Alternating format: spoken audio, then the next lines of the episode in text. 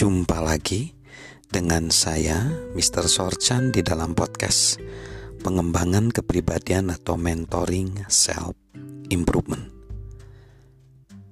Penerapan yang ketiga dalam kegigihan adalah stamina. Kita perlu mengembangkan stamina. Mantan juara dunia kelas berat, Muhammad Ali, yang dijuluki The Greatest menegaskan para juara tidak terbentuk di tempat kebugaran. Para juara terbentuk dari sesuatu yang mereka miliki di dalam dirinya. Keinginan, impian, visi. Mereka harus memiliki stamina pada detik-detik terakhir. Sedikit lebih sigap, memiliki keterampilan, dan kehendak. Namun, kehendak harus lebih kuat daripada keterampilan. Semua orang yang merengkuh dan mempertahankan kesuksesan memiliki stamina. Memang, stamina adalah kunci kegigihan, dan kegigihan adalah kunci menjadi pribadi bertalenta plus. Contoh mengenai stamina diceritakan oleh John C. Maxwell. Pada Februari 2006, John C. Maxwell menemani sekelompok pemimpin dari dua organisasi, Equip dan Lidere, pada perjalanan ke Amerika Tengah dan Amerika Selatan. Mereka bepergian bersama dengan pesawat pribadi Misi mereka adalah mencanangkan prakarsa pelatihan kepemimpinan di tujuh negara. Tujuan perjalanan mereka yang pertama adalah Honduras. Mereka dijadwalkan melatih sekelompok pemimpin di suatu konferensi di sana. Dan sebagian rencana mereka adalah menyediakan buku-buku kepemimpinan bagi siapa pun yang ingin membelinya. Abraham Diaz yang bekerja dengan Marcos Witt di Lidere bertugas mengirim buku melalui bea cukai di Guatemala kemudian Honduras. Mereka mengharuskan buku itu sampai ke Honduras dalam waktu semalam agar bisa dikirimkan ke tempat konferensi tepat waktu keesokan harinya. Sedikit yang mereka ketahui bahwa mendatangkan buku ke konferensi tersebut memerlukan kegigihan luar biasa. Dengan gaya bertutur seperti yang diungkapkan Abraham,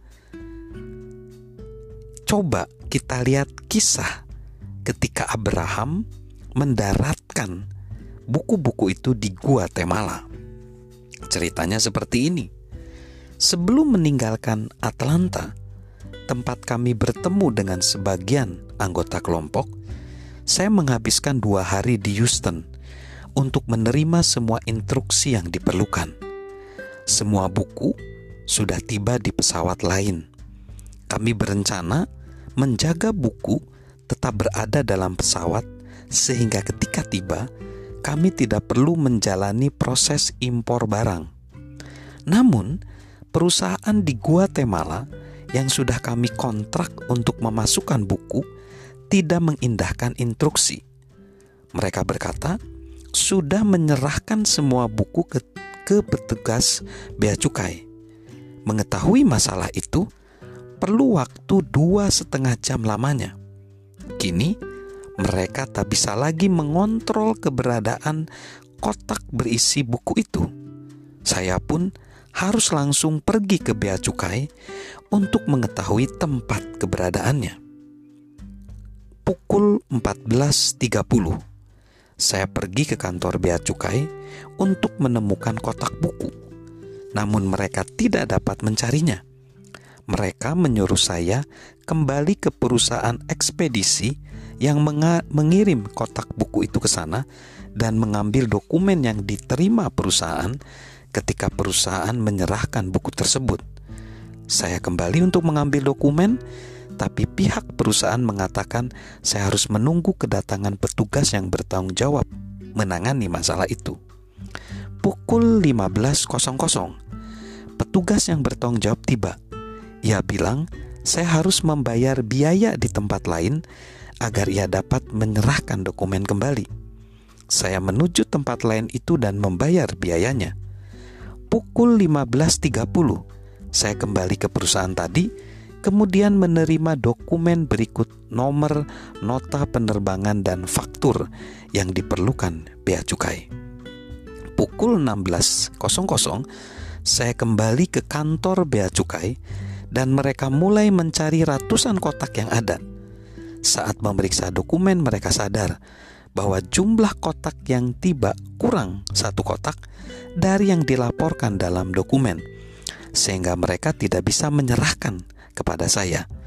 Untuk mendapatkan buku-buku tersebut, saya harus membawa sepucuk surat kuasa bermaterai yang ditandatangani petugas bea cukai lainnya.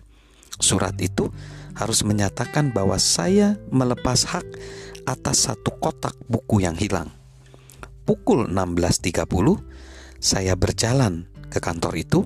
Saya melihat seorang pria yang tampak seperti pejabat di sana. Ketika saya menjelaskan persoalan yang saya hadapi, ia mengundang saya masuk ke dalam ruangannya. Ternyata pria itu adalah direktur administrasi bea cukai Guatemala. Ia sendiri yang mengetik surat yang saya perlukan, kemudian ia menandatangani dan membubuhkan materai yang dibutuhkan untuk mengeluarkan kotak buku itu. Akhirnya saya merasa nyaris sukses. Pukul 17.15, saya kembali ke gudang penyimpanan untuk pengiriman internasional. Saya harus menunggu 45 menit sementara mereka memproses order lainnya.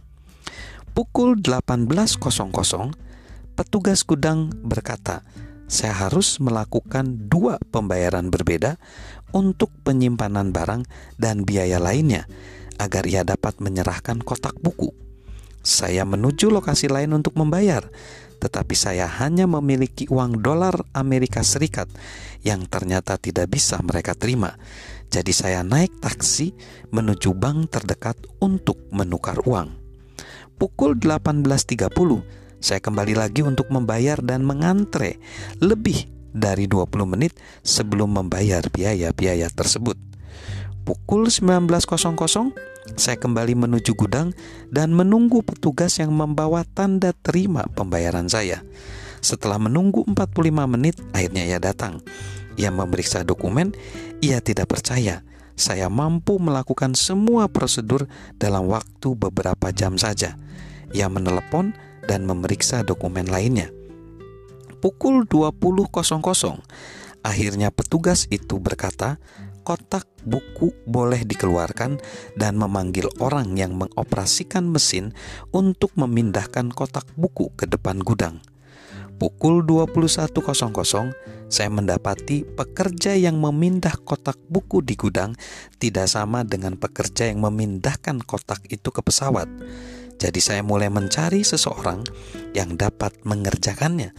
Saya menunggu petugas berwenang sampai satu jam untuk menanyakan biaya pemindahan dan ketersediaan pekerja yang mampu mengerjakan tugas itu.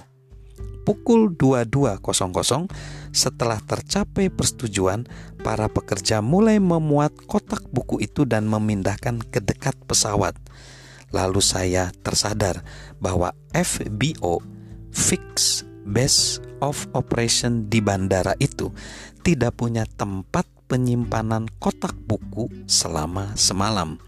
Jadi saya harus meminta pekerja yang memindahkan buku-buku itu untuk menjaganya hingga pukul 5.00 keesokan harinya.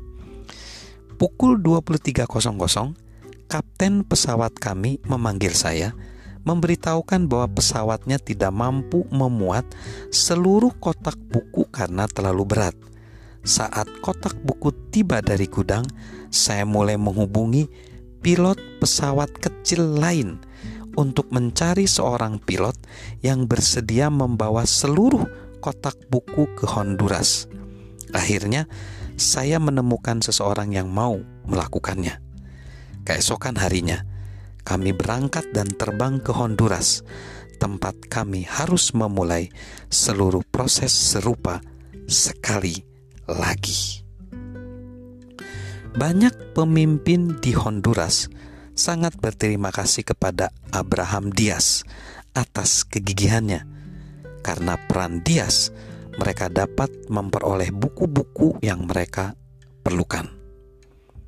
So, jadinya hidup bukanlah perlombaan panjang, melainkan rangkaian perlombaan pendek yang berkesinambungan.